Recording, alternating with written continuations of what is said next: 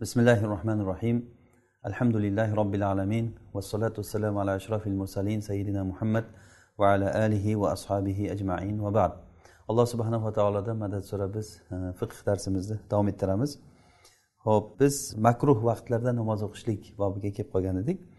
Musannif rahimaulloh aytadilar ولا يجوز صلاة وسجدة تلاوة وصلاة جنازة عند طلوعها وقيامها وغروبها إلا عصر يومه وتكره إذا خرج الإمام للخطبة ويكره النفل فقط بعد الصبح إلا سنته وبعد أداء العصر إلى أداء المغرب ومن هو أهل فرض في آخر وقته يقضيه فقط لا من حاضت فيه ho'p buni hozir so'zma so'z tarjima qilamiz keyin ozroq qisqacha qilib sharhlaymiz inshaalloh musannif rahimalloh aytyaptilarki vala yajuzu solatun va sajdatu tilava namoz joiz bo'lmaydi va sajda tilovat qilishlik joiz bo'lmaydi va solatu jinaza va janoza namozini o'qishlik joiz bo'lmaydi. Qachon? Inda tuluiha quyosh chiqish paytida va qiyamiha va qiyomga kelgan vaqtida va g'urubiha va botish vaqtida.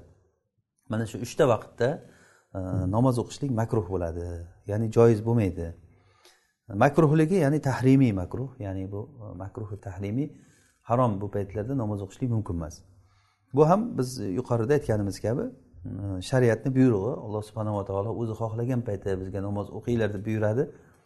Xohlagan paytda namoz o'qishlikdan qaytaradi. E, bizga faqatgina allohni toatini bajarishlik namoz o'qi degan paytda o'qishligimiz namoz o'qima degan paytda namoz o'qimasligimiz. Ho'p musanif aytyaptilarki mana shu uchta vaqtda namoz joiz emas illa asro yavmihi illo o'sha kunni asrini o'qisa bo'ladi. Faqatgina o'sha kun bu degani o'sha kunni asri degani qazo qazo namozi emas o'sha vaqtlik namoz. Masalan bugun e, asr namozi paytida quyosh botish paytida asr o'qimagan odam e, quyosh botishida asr o'qisa bo'ladi. E, inshaalloh nima uchun asr bo'ladi bomdod bo'lmaydi buni inshaalloh sharhda tushuntiramiz. Ho'p va tukrahu ida xarajal imam lil xutba va yana namoz makruh bo'ladi. Namoz makruh bo'ladi. Qachon?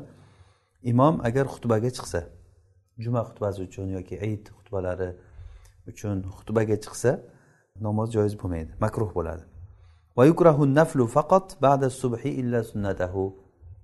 Va subuhdan keyin ya'ni fajrni bomdod vaqti kirgandan keyin bomdodni sunnatidan boshqa nafl namoz o'qishlik makruh bo'ladi. Chunki nabiy sallallohu alayhi vasallam e, shu ikki rakatdan boshqa namoz o'qimaganlar. Ho'p va ba'da adail asri ila adail mag'rib va asrni ado qilgandan keyin to xubtonni e, shomni ado qilguncha asrdan keyin shomgacha ya'ni asrdan keyin shomgacha e, nima namoz o'qishlik nafl namozi faqat bu yerda hozir nafl namozi makruh. Vaman huwa ahlu fardin fi axiri vaqtihi vaqtini oxirida ya'ni namoz vaqtini oxirida ahli farzga aylangan odam ahli farz degani namoz unga farz bo'lgan odam. Masalan bir kofir odam musulmon bo'ldi. Yosh bola balog'atga yetdi mana shular masalan oxirgi vaqtida farz ahli bo'lib qolsa masalan peshin vaqti chiqishligiga masalan aytaylik besh minuti qoldi. Besh daqiqa yo quyosh botishiga besh daqiqa qoldi. Shu quyosh botishida ahli farz bo'lgan odam faqatgina qazo qiladi yaqdihi o'sha vaqtni farzini ado qiladi faqat. Ya'ni e, bu degani e, peshinni ham qo'shib qazo qilmaydi. Peshinni ham masalan asr namozini o'qiydi o'sha paytda odam. Ahli farzga aylan lekin o'qishga ulgurmay qoldi. Shu odamga asr farz bo'ladi peshin emas. Mana bu nima uchun aytilyapti bu gap? Hozir inshaalloh sharhida yana batafsil buni aytamiz. Ho'p hozir faqat lug'aviy ma'nosini tushunib olaylik. Vaman huva ahlu farzin fi axiri vaqtihi. Namozni vaqtini oxirida farz ahliga aylangan odam faqat shu namozni o'zini qazo qiladi boshqasini emas. La man hadot fihi unda o'sha vaqtni oxirida hayz ko'rib qolgan ayol emas. Ya'ni bir ayol namoz o'qimagan edi. E, aytaylik masalan asr namozini o'qimadi. Hali vaqti bor deb o'tirdi o'tirdi o'tirdi. Quyosh botishiga yaqin qolganda endi o'qiyman deyotgandi hayz ko'rib qoldi. Shu ayol o'sha namoz asr namozi unga qarz bo'ladimi qazo bo'ladimi u ayolga bo'yniga? Qazo o'qish kerakmi yoki o'qimaydimi? deganda musannif aytyaptilarki yo'q o'qimaydi. U ayoldan o'sha namoz soqit bo'ladi. O'sha namoz ayoldan soqit bo'ladi. Ho'p buni nima uchunligini inshaalloh usuliy bir nimasi bor qoidasi shuni tushuntiramiz. Endi ozroq sharhlaymiz mana shuni. Hozirgi e, bugungi darsimiz demak namozni makruh vaqtlari ekan namoz o'qib bo'lmaydigan vaqtlar.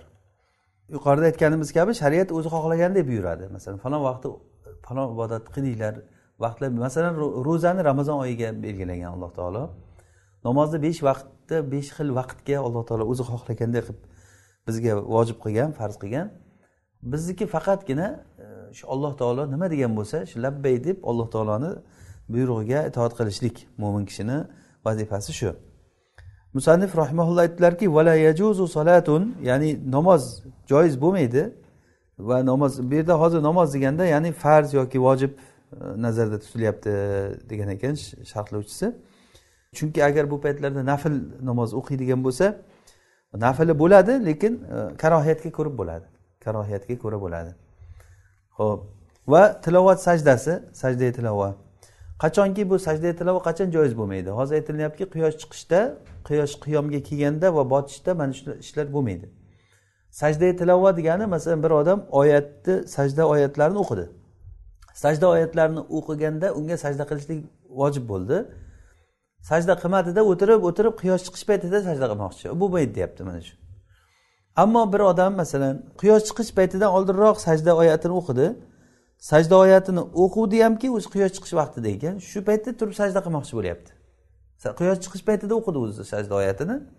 Unga hech qancha vaqt ham ketmaydiku o'zi. Sajda oyatini o'qidida o'sha payt sajda qilsa bo'ladi u.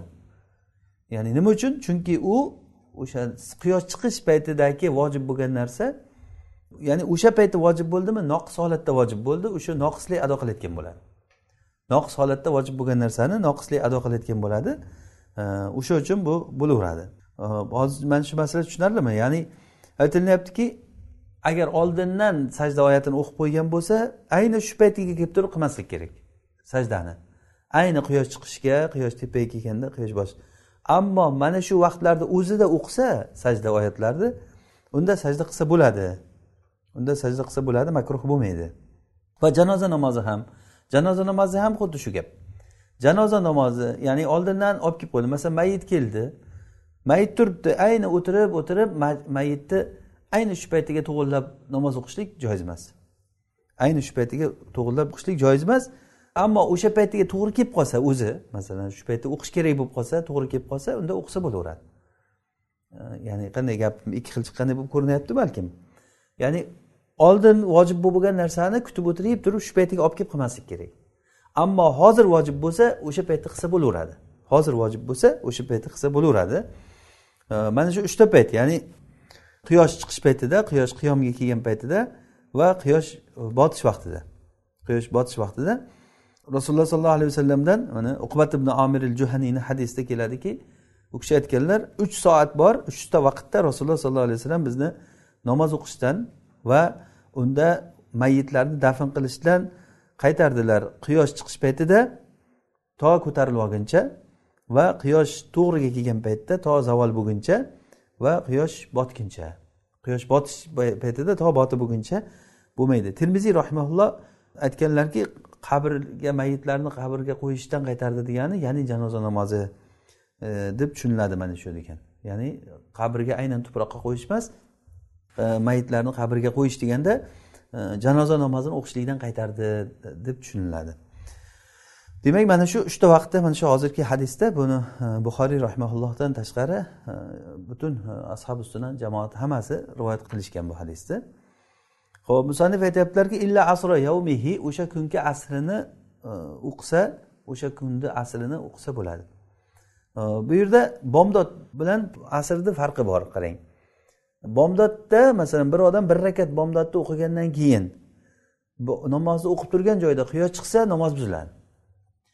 Asrda bir rakat namoz o'qigandan keyin quyosh botib ketsa namozni davom ettiraveradi o'zi nima farqi bor? Ikkalasi ham bir xilku. Bu aynan hadisda kelgan. Rasululloh sollallohu alayhi vasallam buxoriy rivoyat qilgan hadisda. Rasululloh sollallohu alayhi vasallam aytganlarki man adraka rakatan minas subhi qabla an tatlu ash-shamsu faqad adrakaha.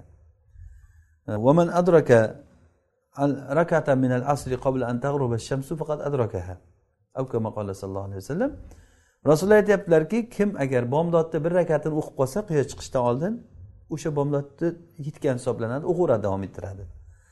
Kimki agar asrni bir rakat o'qib qolsa asrni bir rakat o'qib qolsa quyosh botishdan oldin bir rakat o'qib qolsa u namozga yetdi ya'ni qazo bo'lmaydi ado bo'ladi namozni namozni vaqtida o'qigan hisoblanadi o'sha. To'rt rakatni bir rakatini quyosh botguncha o'qidi qolgan uch rakatini quyosh botgandan keyin o'qidi. Bu joiz bo'laveradi inshaalloh. Nima farqi bor? Ya'ni bomdod bilan asrni nima farqi bor ikkalasini? Buni bir farqi shundaki buni ikkalasini farqi hozir qarang hadisda aytilyaptiki kim quyosh chiqishdan oldin bir rakat o'qisa namoz bo'ldi yetdi u namozga ya'ni vaqtida o'qigan hisoblanadi quyosh chiqish paytida ham o'qiversa bo'laveradi. Quyosh botishda ham o'qiversa bo'ladi deyilyapti hadisda. Ho'p biz hozir yuqorida rivoyat qilgan hadisimizda uqubat ibn omirni hadisida uch vaqtda rasululloh namoz o'qishdan qaytardilar deyilyapti. Quyosh chiqish vaqtida quyosh botish vaqtida va tikkaga kelgan paytda. Demak ikkita hadis bir biriga nima keldi? Bir biriga taarruz kelyapti. Taarruz degani ikkita hadisni biz tushunolmay qoldik. Ya'ni bitta hadisda aytilyaptiki namoz o'qiverasan deyapti bir hadisda o'qima deyapti mana buni taarruz paytida nima qilamiz deganda usuliy bir qoidada aytiladiki agarda oyat bilan oyat bir biriga taarruz kelsa o'zi aslida yana bir foyda uchun aytaman taarruz yo'q o'zi shariatda. Taarruz bu haligi tushunuvchilar tushunmay qolganligi uchun bir biriga teskaridek ko'rinadi. Oyat oyatga teskari kelib qolgan paytda hadisga qaytamizda hadis qaysisini quvvatlasa o'shani biz rojih qilamiz. Agar hadis hadisga teskari kelsachi hozirgidek mana hozir hadis teskari kelyapti bir biriga bir hadis aytyapti namoz o'qima deyapti quyosh chiqishda o'qima deyapti botishda ham o'qima deyapti bir hadisda aytilyaptiki agarda quyosh chiqish paytida o'qib qolsang bomdodni yetgan bo'lasan o'qiver deyapti. Botishda o'qib qolsang yetgan bo'lasan o'qi ikkala hadis ham sahih hadis. Buni qanday qilib biz muvofiqlashtirishimiz kerak deganda usuliy ulamolar aytishadiki usul ilmida ana shu hadis hadisga teskari kelib qolgan paytida qiyosga qaraymizda qiyos qaysini quvvatlasa qiyos qaysini quvvatlasa o'sha hadisni olamiz deydi. Qiyos qaysini quvvatlasa o'sha hadisni olamiz. Mana hozir qarang shunga xuddi shunga o'xshagan bir misol yana bitta bor. Mana namozda turgan paytda qo'lni qayerga qo'yish masalasi hali bizga namoz o'qish kayfiyatida keladi bu. Allohu akbar degandan keyin qo'lni qayerga qo'yish kerak? Kindikni tagiga qo'yish kerakmi yoki ko'krakka qo'yish kerakmi? Ikkita hadis kelgan bunga. Mazhabda ikkala hadis ham sahih deb topilingan. Bittasi ali roziyallohu anhudan o'sha kindikni tagiga qo'yish asari keladi. Ya'ni ikkinchisi ko'krakka qo'yishlik.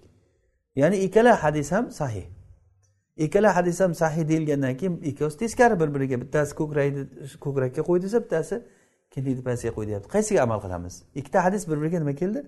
Taarruz teskari keldi bir biriga mana shu paytda qiyosga qaytamiz deyiladi. Qiyos degani hozir namoz holatida masalan erkak kishini holati nimaga qurilgan? Namoz o'zi aslida tavoziyga qurilgan. Tavoziy ya'ni odam o'zini shu husu bilan kamtar olib o'zini xor olib hokisor bo'lib namoz o'qishligi kerak. Qaysi holat tavoziy holatiga yaqinroq deb qaralinadi ko'krakka qo'yishmi yoki kindik tagiga qo'yishmi? Deganda fuqarolar aytishganki shuni kindikni tagiga qo'yishlik tavoziyga yaqinroq. Shu kindikni tagiga shu qiyos shuni qo'llayaptimi? Demak kindikni tagini hadisini olamiz. Deb turib kindikni tagiga qo'yiladi deb aytishgan. Bu degani ikkinchi hadisga amal qilmaymiz degani emas bu. Ikkinchi hadis bo'layotgan bo'lsa ko'krakni ustiga qo'yishlik. Ayolni holatida ayollarni holati tavozidan ham ko'ra ko'proq satr bo'lishligi ya'ni o'zini to'sib o'qishligi ko'proq ayollarga e, xos holat bu. Ayollarniki satrga yaqinroq bo'ladi ko'krakka qo'ysa deb turib ko'krak hadisini ayollarga amal qildik kindikni tagini erkaklarga amal qildik deb aytishgan. Ya'ni bu nimadan kelib chiqyaptiki usuliy qoidada ya'ni ikkita hadis bir biriga teskari teskari kelib ko'rinib qolsa mana shu paytda qiyos qaysisini quvvatlasa o'shasini olamiz. Qiyos qaysisini quvvatlasa shuni olamiz tushuntira oldimmi shuni? Ho'p endi hozir bu masalamizga kiramiz. Bu yerda ikkita hadis bir biriga teskari kelyapti qarang. Bitta hadis quyosh chiqishda namoz o'qima deyapti bitta hadis o'qiver deyapti. Endi qiyosga qarasak nima qilishimiz kerak? Qiyosga qanday qaytamiz deganda bu hadisni ikkalasini ham bu yoqqa qo'yib turing. Ikkalasini ham bu yoqqa qo'yib turingda o'zi quyosh chiqish paytida namoz o'qishlik qanaqa bo'ladi o'zi? Quyosh chiqish paytida o'qishlik o'zi qanaqa bo'ladi? Quyosh chiqishligi o'zi namozni vaqti bomdod vaqti bilamiz. Biz yuqorida aytgandikki quyosh chiqishi bilan tugaydi. Bu yerda vaqti namoz vaqti kirgandan bomdod vaqti to quyoshni o'sha aylanasi doirasi ko'ringuncha komil vaqt hisoblanadi. Komil vaqt. Mana shu vaqtda namoz vojib bo'ldi. Mana shu vaqtda vojib bo'lgan komil vojib bo'lgan narsani quyosh chiqish paytida fasod paytida ado qilyapti. Komil vojib bo'lgan narsani fasod paytida ado qilyapti.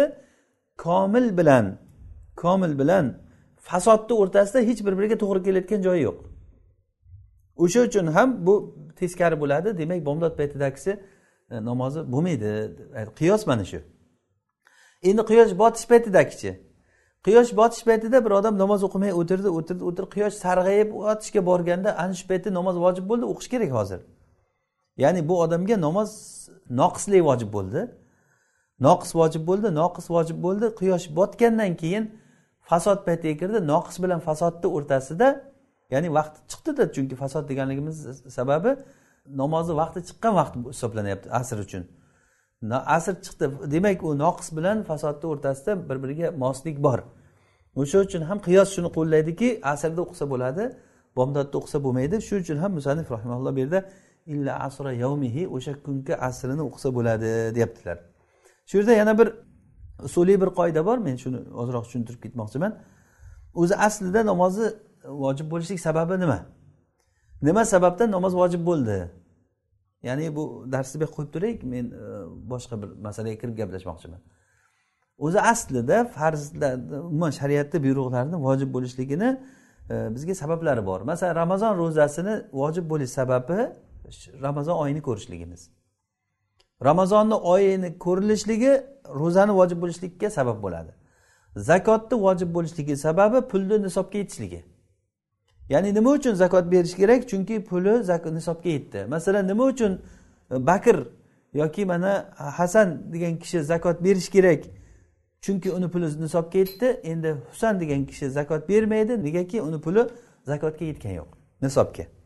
Demak nisobga yetishligi sabab bo'lyapti.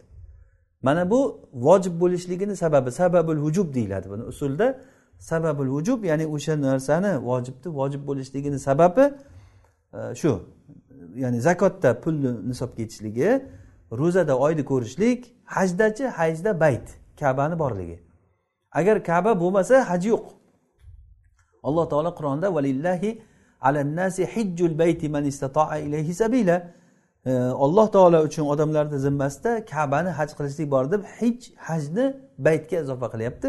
Demak bu bayt borligi uchun kaba borligi uchun haj qilinadi. Agarda faraz qilingki kaba buzilib ketsa haj qilish yo'q bo'ladi. Chunki sababi yo'q bo'ladi. Endi namozni vojib bo'lishlik sababi nima? Namoz nima sababdan vojib bo'ldi desa namozni vojib bo'lishlik sababi duhulul vaqt vaqtni kirishlik. Vaqt kirdi. Masalan hozir peshin namozini o'qishligimiz vojibmi bizga? Yo'q. Nima uchun desa nima deymiz? Vaqti kirgan yo'q. Endi vaqti kirsa zavol bo'lgandan keyin vojibmi desak nima deymiz? Ha nima uchun? Sababi nima? Sababi vaqti kirdi. Ha demak vaqti kirdi. Endi qarang. Men aytmoqchi bo'lgan joyimga endi keldim. Hozir zavol bo'ldi vaqt kirdi namoz vojib bo'ldi. Peshin vaqti soat o'n ikkida misol zavol bo'lsa misol uchun o'n ikkida. Soat uchda chiqib ketsa shu o'n ikkidan uchgacha bo'lgan vaqt o'n ikkidan uchgacha bo'lgan vaqt peshinni vaqti to'g'rimi? Mana shu vaqtni qayeri qaysi joyi namozni vojib bo'lishlikka sabab bo'ladi? Qaysi joyi? Ho'p avvali desak agar avvali desak bilamiz masalan soat uch soatda siz daqiqalarga va soniyalarga bo'lib chiqing. Har soatda oltmishta daqiqa bo'lsa masalan har daqiqada mana sekundlar bilan hammasini bo'lib chiqing vaqtni mana shu vaqtni har bitta juzida vaqtda agar avvalgi juzi namozni vojib bo'lishligiga sabab desak agar avvalgi juzi namozni vojib bo'lishligiga sabab bo'ladi deydigan bo'lsak agar agar bir odam avvalgi paytida namoz o'qimasa peshin vaqti kirdi yarim soat o'tdi namoz o'qimadi bu odam. Yarim soatdan keyin o'qisa namozi ado bo'ladimi qazo bo'ladimi? Albatta ado bo'ladi. Ha demak birinchi vaqti agar vojib bo'ladi desak keyingi vaqtichi?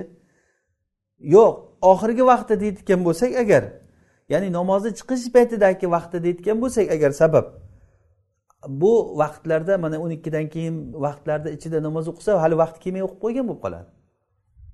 Bo'lmasa to'g'ri javob nima? Qaysi vaqtni biz namozni vojib bo'lishlikka sabab deyishimiz kerak? Ya'ni gapim ozroq murakkabroq bo'lishi mumkin chunki bu usuliy gap bo'lganligi uchun e, lekin tarkiz qilib e'tibor berib turilsa tushunarli bo'ladi inshaalloh.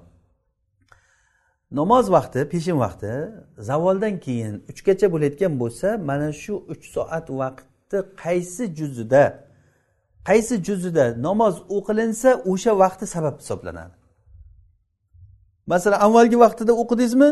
O'sha avvalgi vaqti namozni vojib bo'lishligiga sabab bo'ladi. Keyingisida o'qisangiz keyingisi undan keyingisi keyingisi ketaveradi. Endi vaqt borib borib borib borib oxirgi vaqtiga borib qoldi. Endi asrga kiraylik. Hozir asrda tushunarli bo'ladi biz uchun.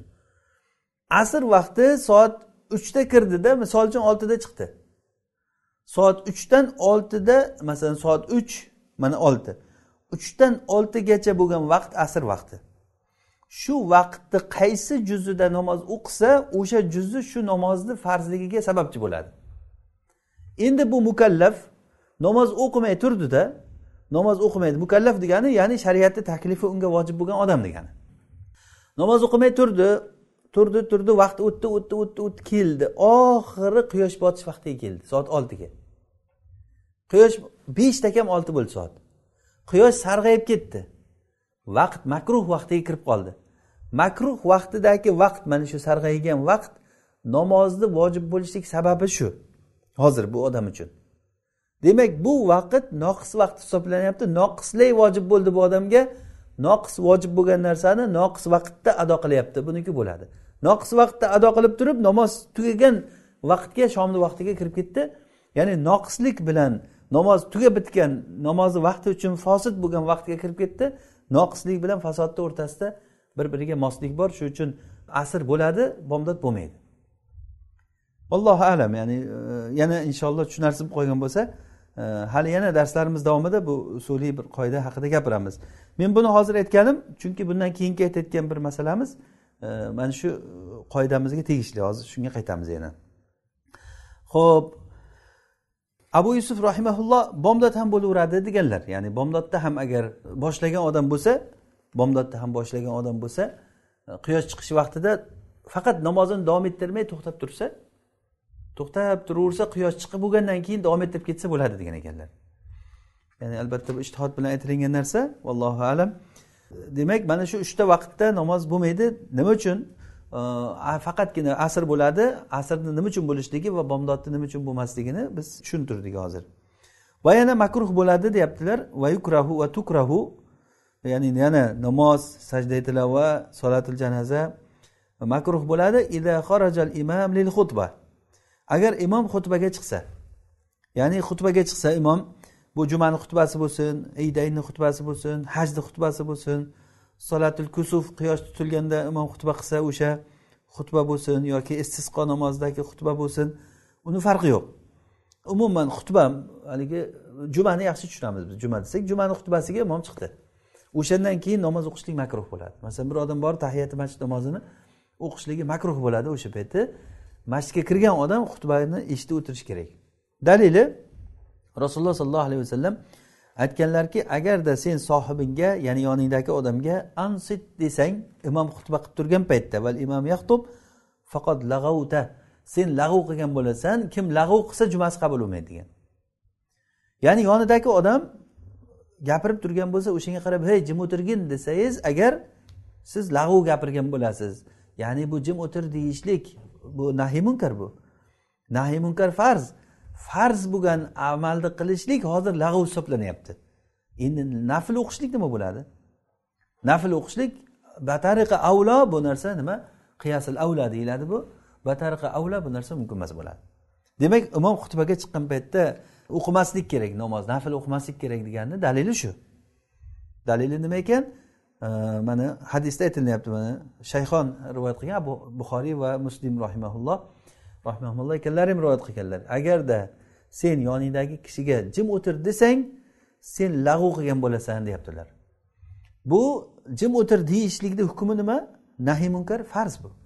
Farz bo'lgan narsani qilsangiz agar lag'u deyilyaptimi endi nafl qilishlik batariq avlo bu mumkin emas bo'lishi kerak. Rasululloh sollallohu alayhi vasallamdan rivoyat qilingan hadisda jobir ibn abdullohni hadisda aytiladiki bir odam juma kuni keldi masjidga. Rasululloh sollallohu alayhi vasallam xutba qilib turgandilar. Shunda kelib o'tirganda hey falonchi sen tahiyati masjid o'qidingmi? dedilar. Yo'q deganda tur o'qib deganlar. Rasululloh xutba qilib turibdilar. U odam turib tahiyati masjid o'qidi. Shunda tahiyati masjid o'qilinar ekan baribir imom xutba qilsa ham mana o'sha odamga o'qi deyaptilar. Rasululloh deyilinsa uni javobida aytilganki rasululloh uni tur o'qi dedilarda o'zlari tezroq o'qigin deb kutib turdilar uni. Ya'ni imom xutba qilib turgani yo'q. Imom kutib turibdi. Uni u odam tezroq namozini o'qib oldi keyin xutbani davom ettirganlar rasululloh alayhi vasallam. Demak bu o'sha odamni o'ziga xos bir holat bo'lib qoladi. Endi boshqa masjidlarda imom kutib o'tirmaydiku odamlarni. Odamlar ko'pchilik bo'lsa qaysi birini kutib o'tiradi ularni? Unda imom xutba qilmaslik kerak bo'ladi. Odamlar bir bir ikkisi ikki kelaveradi. Demak muhim bu masala o'zi xilofiy masala xilofiy masala.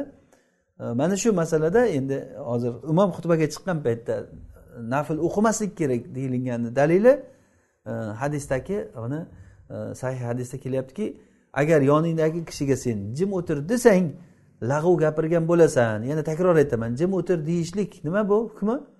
Farz bu. Nahiy munkar farz. Farzni qilsa lag'ov qilgan bo'lasiz.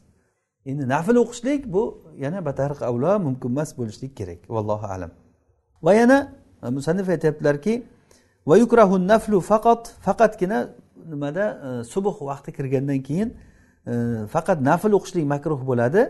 Ya'ni faqat nafl deyishdan maqsad bu yerda agar farz namozlari masalan qazo namozlarini o'qish kerak bo'lib qolsa yoki sajda tilovat qilish kerak bo'lib qolsa shu yerda yoki janoza namozi bo'lib qolsa qilsa bo'ladi degani bu. O'sha yerda o'qish kerak bo'lib qolsa qilsa bo'ladi. Faqatgina nafl namozlarini ichida sunnatdan boshqa nafl o'qib bo'lmaydi. Bomdodni vaqti kirgandan keyin.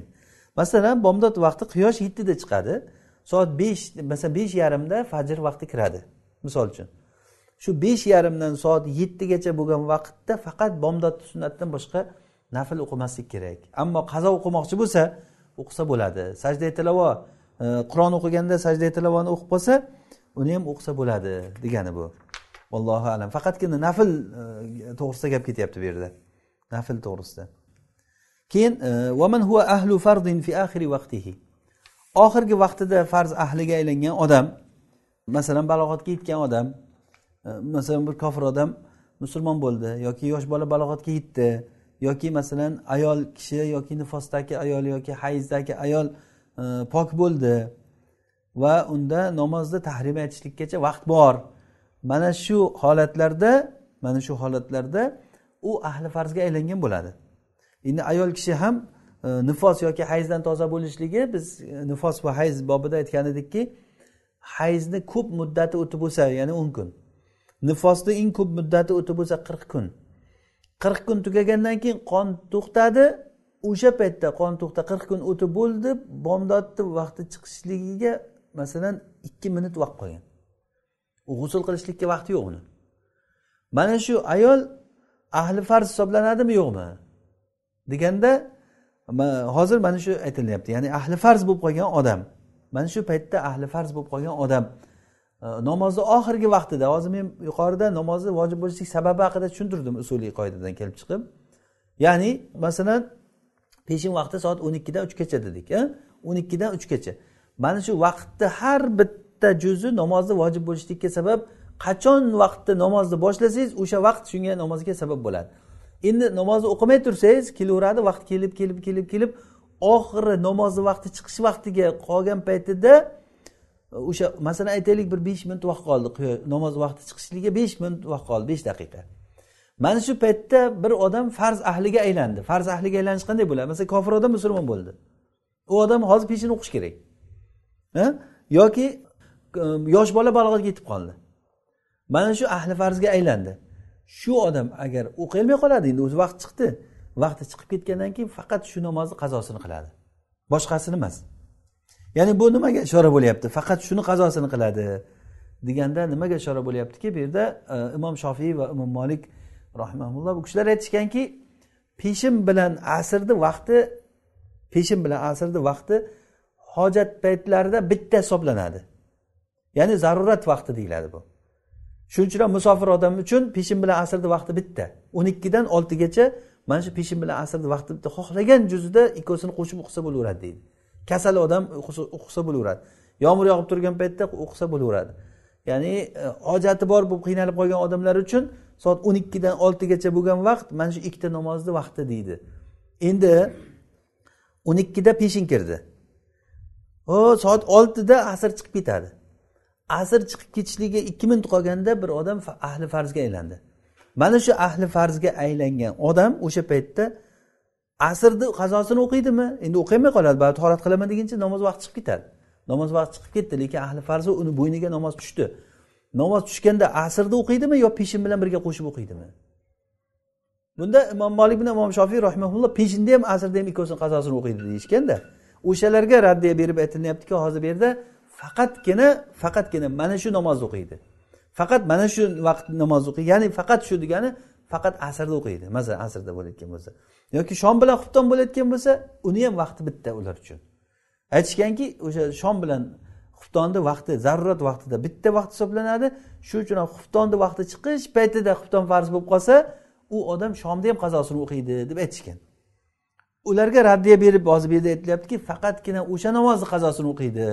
Masalan asr vaqti chiqishida nima bo'lib qolgan odam e, ahli farzga aylanib qolgan odam faqat asrda o'qiydi. Xufton vaqti chiqish paytida ahli farzga aylangan odam faqat xuftonda o'qiydi shomda o'qimaydi. U shom ketdi uni vaqti. Alloh taolo aytganki inna solata kanat alal mu'minina kitaban mavquta namoz mo'minlarga vaqti belgilangan farz.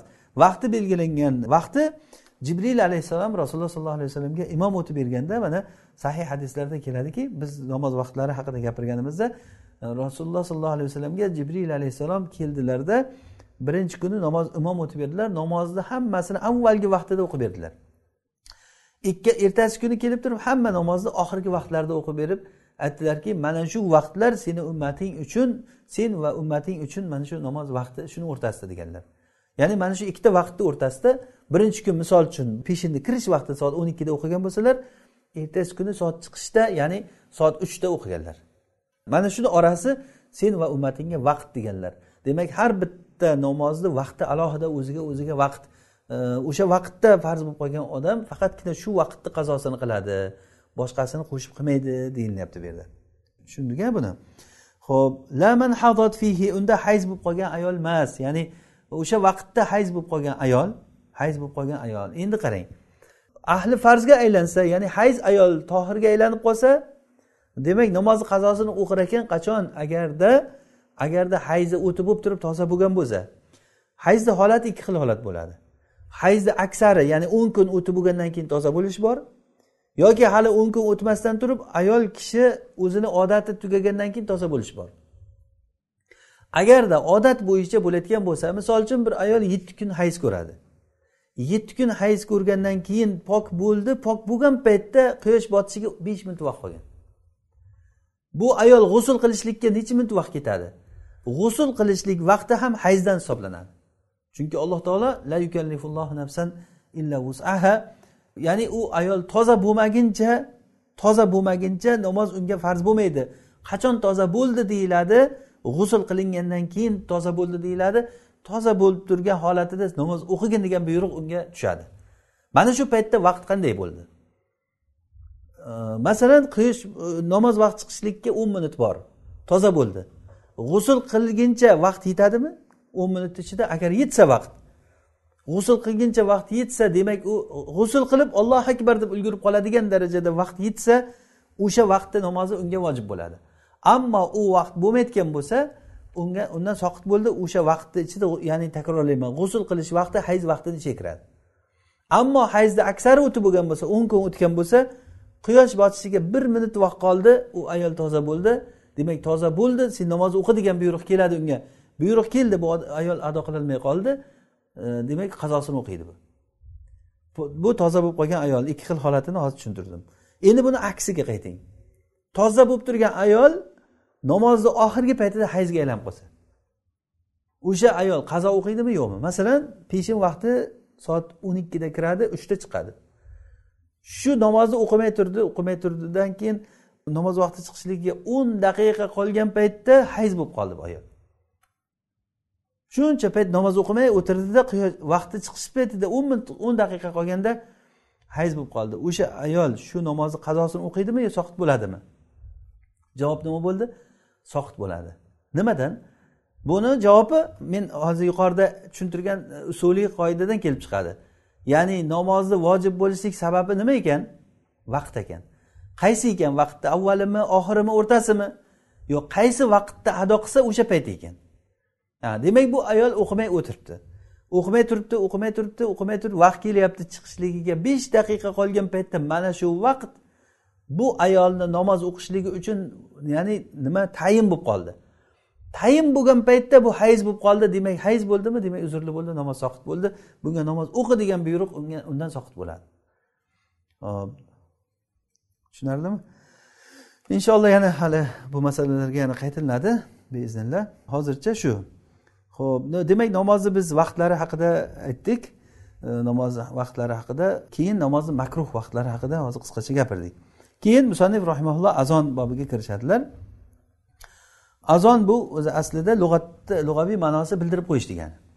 Azonni lug'aviy ma'nosi e, bildirib qo'yishlik ya'ni e, vaqti kelganligini bildirib qo'yishlik degani. Azon e, nimani? Lug'aviy ma'nosi bildirib qo'yishlik. Lekin bu maxsus lafzlar bilan maxsus vaqtda aytilinadigan bir ibodat bu azon ham. Hozir inshaalloh bu haqida gapiramiz.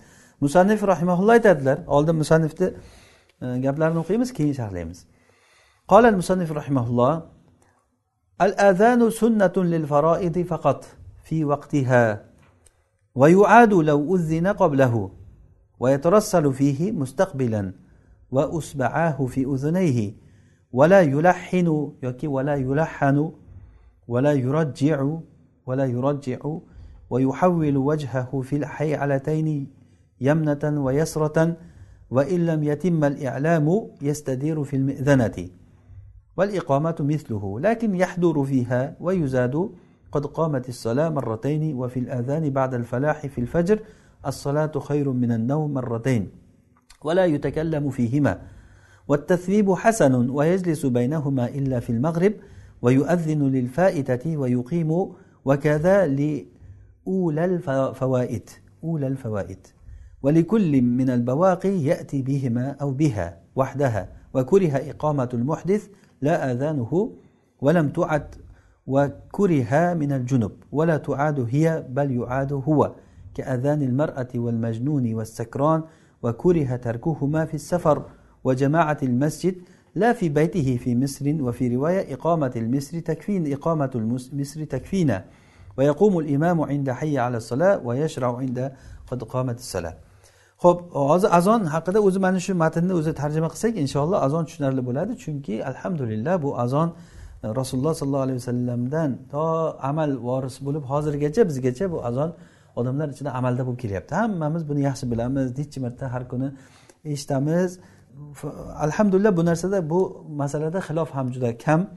E, inshaalloh bir o'zi tarjima qilishligimiz bilan o'zi sharhlamasak ham ancha tushunarli bo'lib qoladi musanif rahimalloh aytyaptilarki azon farzlar uchun sunnat faqat farzlar uchun sunnat. Ya'ni bu farzlar uchun sunnat deganda bu degani sunnat namozlariga va boshqa farzdan boshqa namozlarga azon yo'q. Masalan ayit namozlari farz emas. O'sha uchun ayit namozlariga e, yoki janoza namozlari bularga azon aytilinmaydi faqatgina farz namozlari uchun. Solatul kusuf quyosh tutilganda o'qilinadigan namoz masalan unga ham azon yo'q ayitga namoz e, azon yo'q. Musanif aytyaptilarki farzlar uchun sunnat. Faqatgina farzlar uchun. Fi vaqtiha vaqtida. Ya'ni vaqtidan oldin ham aytilinmaydi vaqti o'tib ketgandan keyin ham aytilinmaydi. Ya'ni vaqti o'tib ketgandan keyin aytilinsa o'sha qazosi uchun aytilingan bo'ladi. Uni hali matnda keladi bizga. Namozni vaqtida o'sha farzlar uchun azon aytishlik sunnat. Va yuadu lav uzina qoblahu qoblal vaqt ya'ni vaqtidan oldin agar azon aytilinsa azon qaytadan aytilinadi. Agar vaqtidan oldin. Chunki bu azon namozniki namozdan oldin aytilingan azon u o'sha namoz uchun azon e'tiborida bo'lmaydi. Fihi va unda azonda e, ya'ni cho'zib ya'ni oralarini uzib uzib nima qo'yib qo'yib aytadi. E, o'zi hammamiz bilamiz masalan allohu akbar allohu akbar deb to'xtab turadi. Yana allohu akbar allohu akbar to'xtab turadi. Ashhadu an la ilaha illalloh to'xtab turadi yana. Ya'ni kalimalarda ham hattoki la ilaha illalloh deb turib cho'zib cho'zib aytiladi. Hammamiz bilamiz buni. Mustaqbilan ya'ni qiblaga qaragan holatda e, aytadi. Bu chunki e, qiblaga qarab aytilingan amal shu bilan mutavoras bo'lgan amal bu. Ya'ni qibladan teskariga qarab azon aytsa yoki o'tirgan holatda azon aytsa masalan hozir mikrofonlar chiqib ketgan mikrofonda o'tirgan joyda mikrofonda yotib azon aytsa masalan bir odam. Nima bo'ladi? Maqsad nima? Odamlar chaqirishmi? Chaqiryapti mikrofonda bemalol chaqiryapti. U yotib ketgan hech kim bilmaydi ham. E, uyda yotib olib turib mikrofondan azon aytyapti masalan bir odam. O'sha bo'ladimi desa yo'q xilof sunna bo'ladi. Chunki rasululloh sollallohu alayhi vasallam muazzinlari qanday shaklda aytgan bo'lsalar o'shanday shaklda biz ham bu ibodatni qilishligimiz sunnat bo'ladi. Qiblaga qarab aytilingan azon e, demak qiblaga qarab aytilinadi va barmoqlari quloqlariga tiqqan holatda barmoqlarini qulog'iga tiqib chunki bu ovoz chiqishligi uchun e, yaxshi bo'ladi. Rasululloh sollallohu alayhi vasallam bilol roziyallohu anhuga shunday o'rgatgan ekanlar vala yulahanu yoki yulahinu muazzin unda lahn qilmaydi lahn degani haligi harflarni tashlab ketib chala chulp qilib aytmaydi ya'ni qo'shiq qilib turib ba'zida qo'shiqlarda mana qo'shiqlarda eshitib qolasiz ba'zi kalimalar qolib ketadi ba'zi harflar qolib ketadi ko'p harflar qolib ketadi o'shanaqangi qilib aytmaydi ya'ni ochiq ochiq ochiq qilib aytadi lahn qilib turib kalimalarni buzib aytmaydi chunki bu ibodat bu. Ibodat bo'lgandan keyin qanday sobit bo'lgan bo'lsa o'shanday qilishlik kerak bo'ladi. Vala yurajjiu va tarjih yo'q. Tarjih qilmaydi tarjih nima? Tarjih degani azon aytgan paytda e, ashhadu an la ilaha illalloh deganda muazzin ichida sekin ovozda ashhadu an la ilaha illalloh deb aytib olib turib keyin tashqarisida qattiq ovozda ashhadu an la ilaha illalloh deb aytishligi. Mana bu narsa yo'q.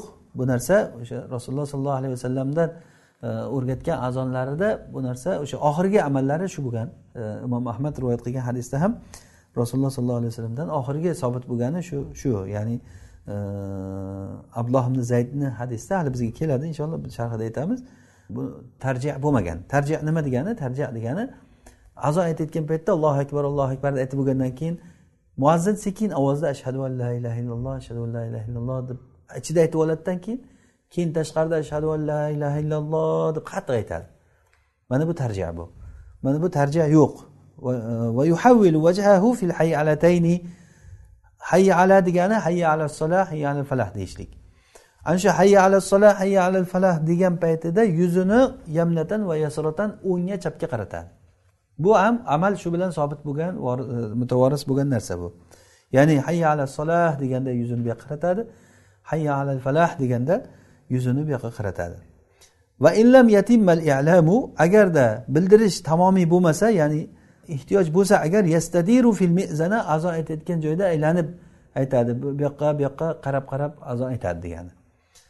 Ya'ni odamlarga maqsad yetkazish bo'lgandan keyin e, hojat bo'lgan paytida shunaqa qilib turib aytadi. Endi hozirlar e, mikrofon bor bo'lganligi uchun unaqa narsa emas. Ya'ni mikrofonga qarab turib sunnatga ergashib turib qo'lini ham qo'yib sunnatga ergashib hayya ala solah deganda hayya ala falah deganda bu yoqqa qarab to'g'ri turib aytaveradi qiblaga qarab. Val iqomatu misluhu iqomat ham xuddi mislul azan ya'ni xuddi azonga o'xshaydi kalimalari. Xuddi azon qanday bo'lsa shunday lakin yahduru fiha lekin iqomatda tezroq aytadi ya'ni azonda yatarassalu fihi deyildiku. Shoshilmay aytsa bunda bo'lsa tezroq aytadi. Ayni hammamiz bilgan bu iqomatni. E, nimasi? Tartibini bilamiz. Tezroq aytadi. Va yuzadu qad qomatis sola marratayni va qad qomat solah degan gap ziyoda qilinadi ikki marta. Nima qilinadi? Nima? Hayya alal falah degandan keyin qad qomati solah qad qomati solah allohu akbar allohu akbar la ilaha illalloh deb qo'shilinadi buni hammamiz bilamiz. Va fil azani ba'dal e, falahi fil fajr. Va azonda bo'lsa e, fajrda ba'dal falah ya'ni hayya alal falah degandan keyin as solatu xayrun minan navm deb ikki marta ziyoda qiladi qo'shadi. Buni ham bilamiz hammamiz. Ya'ni bu faqatgina bomdodda. Bomdodda as solatu xayrun minan navm ma'nosi namoz uyqudan yaxshi narsa. Ya'ni uyqudan ko'ra namoz mutlaq yaxshi. Vala yutakallamu fihima. Bu ikkalasida ham gapirmaydi. Ya'ni azon aytayotganda birov bilan gap berib turib azon aytmaydi. Ya'ni azonni orasida masalan telefon jiringlab qolsa unga javob berib yana azonni davom ettirishlik bu azon odoblaridan emas. Bu o'ziga xos bo'lgan bir ibodat bu ham azon aytishlik ham. Demak o'sha sahobalardan rasululloh sollallohu alayhi vasallamdan bizga qanday o'rgatib sahobalarga sahobalar qanday azon aytgan bo'lsalar o'shanday holatda azon aytishligimiz kerak bo'ladi. O'sha uchun ham azonni e, bitta joydan azon aytib mikrofonlarni hamma masjidlarda tarqatishlik o'sha sahobalarni holatiga xilof bu amal bo'ladi. Har bir masjidda alohida azon aytilishlik kerak. Ho'p va tasvibu hasanun. Tasvib bu tasvib degani namoz azon bilan takbirni o'rtasida azon bilan takbirni o'rtasida yana bir namozga chaqirib qo'yish degani. Azon bilan takbirni o'rtasida azonga chaqirib qo'yishlik. Bu hasanun bu yaxshi deyapti musannif rahimaulloh albatta bu masalada xilof bor. Inshaalloh bu xiloflarni hozir aytamiz. Ya'ni tasvib degani masalan bomdod vaqtida assolatu xayru minan naumni ba'zi fuqarolar o'shani tasvib deyishgan. Assolatu xayrun minan tasvib deyishgan. Ba'zilar bo'lsa azondan keyin. Azon aytib bo'lganda ham takbir bilan azonni o'rtasida assola assola deb qo'yib muazzin undan keyin borib takbir aytishligi. O'sha takbirgacha yana bir ogohlantirish odamlarni ehtiyoj borligi uchun bu yerda hasan deyilganligi odamlar chaqirib qo'yishi oy namoz o'qiymiz namoz namoz deb e, muazzin borib turib odamlarni azondan keyin ham bir chaqirib keyin kelib takbir takbir aytyapmiz deb e'lon qilib takbir aytishligi bu o'sha tasvir deganligi shu. Ya'ni o'zi asli muazzinni vazifasi odamlar chaqirishlik azondan keyin ham g'aflatda qolgan odamlarni yana bir ogohlantirish bo'ladi degan. Illa fil mag'rib va azon bilan iqomatni o'rtasida o'tiradi. Ya'ni o'tiradi degani bir vaqt o'tadi. Bu yerda o'tiradi degani vaqt o'tadi. Illa mag'ribda emas mag'ribda vaqti kam bo'lganligi uchun azondan keyin e, iqomat aytilinadi birdan. Va qazo namozi uchun azon aytadi. Qazo namozi uchun azon aytadi. Bu laylati tarisda rasululloh sollallohu alayhi vasallam taris kechasida taris kechasi degan rasululloh sallallohu alayhi vasallam sahobalar bilan safarda ketish paytlarida kechasi yurganlar. Dam olaylik desalar ham rasululloh yo'q dam olmaymiz yuramiz deb yurganlar. Charchagan hamma. Shunda kechani anchasi o'tib qo'ygan. Kechani oxiriga kelgan paytda keyin ey rasululloh dam olaylik juda charchab ketdik deyishganda agar dam olsak uxlab qolamiz deganlar rasululloh. Keyin bilol roziyallohu anhu aytganlarki rasululloh men uyg'otaman uxlamay turaman uxlanglar degan. Hamma uxlagan bilol shunday suyanganu ketgan u kishi ham uxlagan. Ularni hammalarini quyoshni nuri uyg'otgan. Umar roziyallohu anhu turganlarda takbir aytib e, juda qattiq u kishi afsus chekib yuborganlar ya'ni bomdod vaqti o'tib ketgan. Shunda rasululloh ham uyg'ondilar bilmadik rasululloh umardan oldin uyg'onganmi keyin uyg'ongan bilmadik deganlar. Rasululloh uyg'oq ekan o'zi degan. Shunda keyin bomdod vaqti chiqqan bo'lgan rasululloh sollallohu alayhi vasallam bularga buyurgan xuddiki bomdodni vaqtida nima qilinsa shu ishni qilganlar. Ya'ni azo aytilingan takbir aytilingan sunnatni o'qib farzni o'qiganlar. Quyosh chiqib bo'lgandan keyin. Demak mana shu laylati taris hadisi bo'lib turib mashhur bo'lib qolgan. O'sha taris kechasida sayr qilib o'sha borib uxlab qolgan paytlarida. Bu ham bir bizga bir katta ko'rsatma bo'ldiki namozga uxlab qolgan odam nima qilish kerak? Ana shunda rasululloh sollallohu alayhi vasallam azo aytganlar va takbir aytganlar demak o'shandan kelib chiqyaptiki hozir musanif aytyaptilar qazo namozi uchun azon aytadi faita degani o'tib ketgan namoz ya'ni qazo namozi uchun. Va yuqim va iqomat ham aytadi. Xuddi shunday bir qancha namozlar o'tib ketgan bo'lsa bir qancha namozlar o'tib ketgan bo'lsa mana imom termiziy rivoyat qilgan hadisda ibn masuddan rasululloh sollallohu alayhi vasallamdan nimada? Handaq g'azotida to'rtta namoz o'tib ketdi? Peshin asr shom xufton o'sha to'rtta namozni qazosini o'qigan paytlarida qazosini o'qigan paytlarida o'sha azo ayttirdilarda keyin takbir bilan o'qidilar hammasini deb kelgan. Demak bir qancha qazolarni o'qimoqchi bo'lsa favoidlarni o'qimoqchi bo'lsa ula birinchisiga azo aytadi. Ya'ni hozir aytyaptilarki ulal favoid ulal favoid degani favoidlarni qazo namozlarini birinchisi uchun azo aytadi va takbir aytadi keyin minal bavaqi qolganlariga bo'lsa yati bihima yo azon va takbirda aytadi yoki faqatgina iqomatni o'zini aytadi. Xohlasa faqat iqomatni o'zini. Ya'ni shu yerda aytilyapti minal bavaqi yati bihima qolganlariga bo'lsa masalan bir odam to'rtta qazoni o'qimoqchi bo'lsa birinchisiga azon aytib takbir aytadi ikkinchisiga ham azon va takbir aytsa ham bo'ladi. Valikul e, minal bavaqi qolganlardan har biriga yati bihima azon va takbirda aytadi. Av biha yoki faqatgina iqomatni o'zini aytadi. Rasululloh hozir handak g'azotda qilganlarida faqat iqomatni aytdilar. Agarda rasulullohni laylati tarisda qilgan ishiday qilaman desa hammasiga alohida alohida azon takbiri bilan alohida namoz bo'lganligidan alohida qilib o'qisa ham bo'ladi. Ya'ni bunda vallohu alam ya'ni ish keng va kuriha iqomatul muhdis va e, betohrat odamni iqomat aytishligi makruh bo'ladi. Tohrati yo'q odam iqomat aytishligi. Uni azon emas la azanuhu. Azon emas. Chunki iqomat bu namoz o'qiyotgan odamni ishi. Toharatsiz odam namoz o'qiyotgan joyda turib aytishligi bu makruh bo'ladi. Endi azon aytayotgan odam azon namozdan oldin bo'ladi. Ya'ni namoz o'qishlikdan namoz vaqtida bo'ladi lekin namoz o'qishlikdan oldin bo'ladi. O'sha uchun ham unga tahorat shart emas. E, azon aytishlikka o'zi tahorat shart emas. Iqomatga ham tahorat shart emas. Lekin iqomatni namoz o'qiyotgan odam aytadi. Namoz o'qiyotgan odam tahorati bo'lishi kerak. O'sha uchun ham makruh bo'ladi deyilyapti. Azon emas ya'ni azon betahorat odam azon aytsa makruh emas. Vala tuad vala tuadu ya'ni agarda shu betahorat odam takbir aytib qo'ysa takbir qaytadan o'qilinmaydi aytilinmaydi. Masalan bir odam takbir tahoratim bor deb o'ylab takbir aytdi. Takbir aytib bo'lgandan keyin iye meni tahoratim yo'q edi tahorat qilib kelay deb chiqib ketsa betahorat odam takbir aytibdi ekan qaytadan aytinglar deyilmaydi takbir aytildi bo'ldi. Chunki takbirni qaytadan qilishlik shariatda yo'q. Va kuriha minal junub.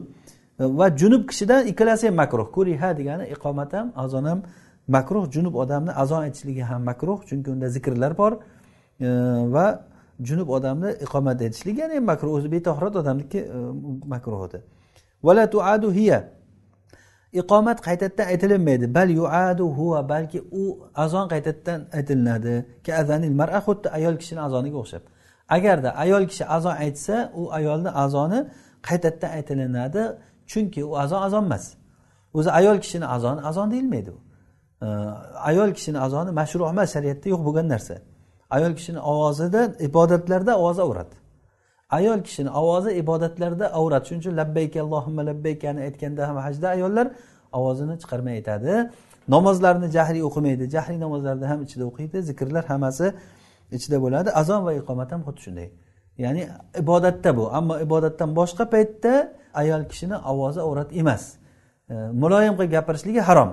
Lekin o'zi e, o'zini ovozida qilib turib masalan savdo sotiqda boshqada hojatda gapirsa ayol kishi bo'ladi. Ho'p ayol kishini ozoniga o'xshab deyapti. Ayol kishini ozoni ham agar aytilinsa qaytadan qilinadi degani bu. Ya'ni bu xuddi aytilmagandek bo'ladida azon yo'q hisobda bo'ladi. Val majnuni va sakroni va yana val majnunini atfi bu minal junubiga boramiz. Va kuriha minal majnuni.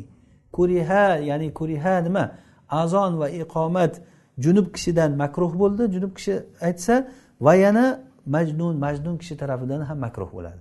Agarda majnun kishi aytsa agar azon aytsa qaytadan e, azoni aytilinadi takbiri qaytadan aytilinmaydi masalan bir majnun kishi safda turibdi takbir aytdi o'sha odam. To'g'ri aytgan bo'lsa takbirni takbir aytgan bo'lsa bo'ldi qaytadan aytilinmaydi ho'p va sakron va mast odamniki ham xuddi shunday.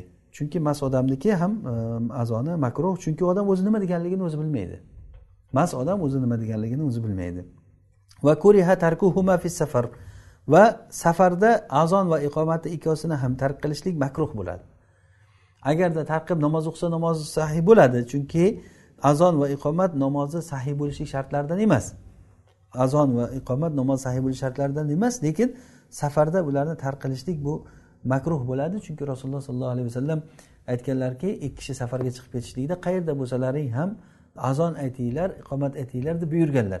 Sizlarni birorta bir inson va jin kim birorta nima eshitsa ham malak eshitsa ham e, nima eshitsa sizlarni ovozlaringda qiyomat kunida sizlarga guvoh bo'ladi deganlar.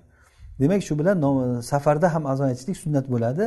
Va yana jamaatil masjid masjidni jamoatida ya'ni jamoat bo'ladigan masjidda tark qilishlik makruh bo'ladi. Ya'ni jamoatda namoz azon tark qilinsa azonsiz jamoat o'qilinsa bu makruh bo'ladi sunnat tark bo'lgan bo'ladi.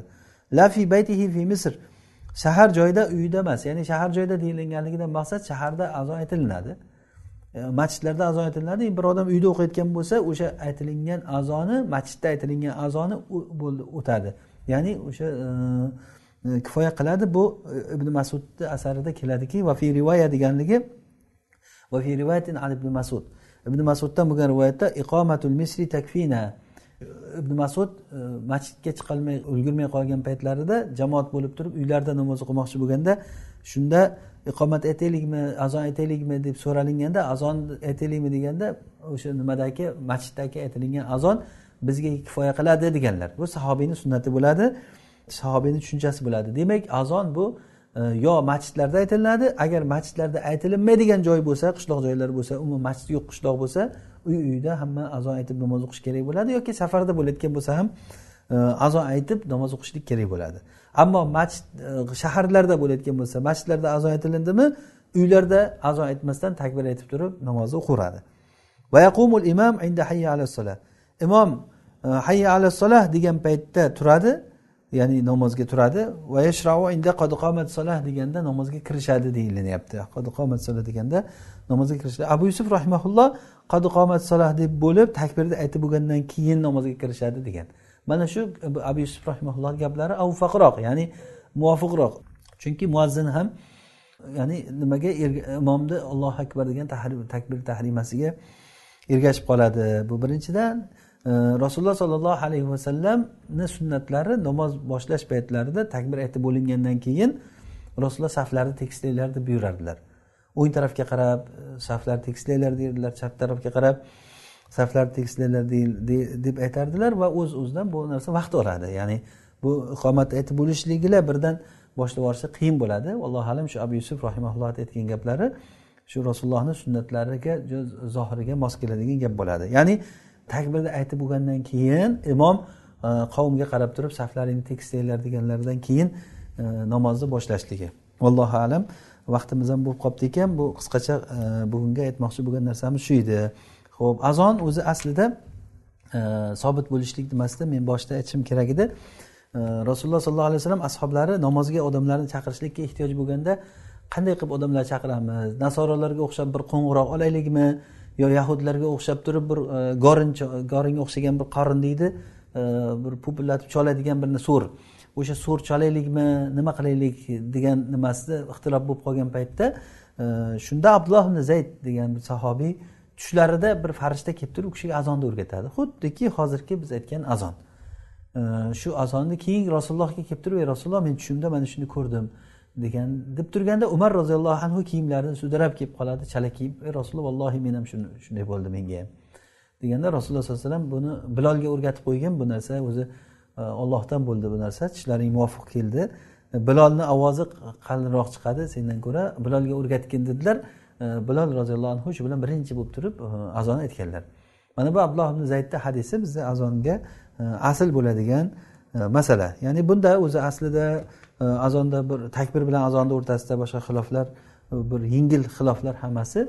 Alhamdulillah bu narsa rasululloh sollallohu alayhi vasallamdan bizga amal meros bo'lib hozirgacha azonlar hamma musulmonlarda azon aytilinib islom shoirlaridan bo'lib kelyapti va shu so'zimni oxirida bir qisqacha qilib aytamizki e, muazzin bo'ladigan odam solih kishi bo'lishligi yana ham maqsadga muvofiq bo'ladi.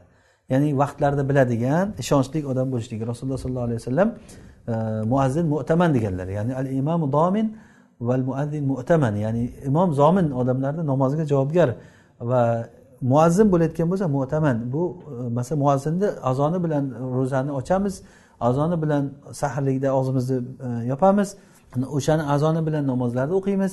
E, ya'ni muazzin bu narsalarni bilishlik kerak. Va yana aytgan azoniga ajr ya'ni xizmat haqi olmaslik kerak. Chunki bu ibodat bu. Xuddi shunga o'xshash bo'ladi masalan haj badal qilishlik yoki imom bo'lib turib yoki birovga bir ta'lim berib turib pul olmaslik.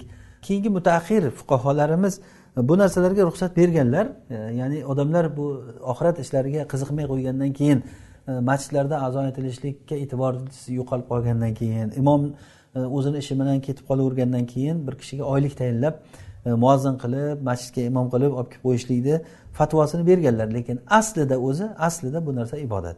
Ibodatga pul olinmaydi. Ya'ni azo aytib pul olinmaydi imom bo'lib pul olinmaydi birovga ta'lim berib pul olinmaydi. Э, lekin bunga fuqarolar odamlarni holatini e'tiborga olib dinni saqlab qolishlik uchun buni vaqti sarflayapti deb turib fatvo berishgan allohu alam. Lekin aslida bilib qo'yishligimiz kerak bo'lgan narsa shu. Alloh subhanava taolo hammamizga o'zi bilmaganlarimizni o'rgatsin o'rganganlarimizga amal qilishlikka o'zi tavfiq bersin. Alloh taolo darslarimizni davomiy va barakotli qilsin. هذا ما أعلم ربنا تعالى أعلى وأعلم. سبحانك اللهم وبحمدك نشهد أن لا إله إلا أنت نستغفرك ونتوب إليك. صل اللهم وبارك على عبدك ونبيك محمد عليه الصلاة والسلام. والسلام عليكم ورحمة الله وبركاته.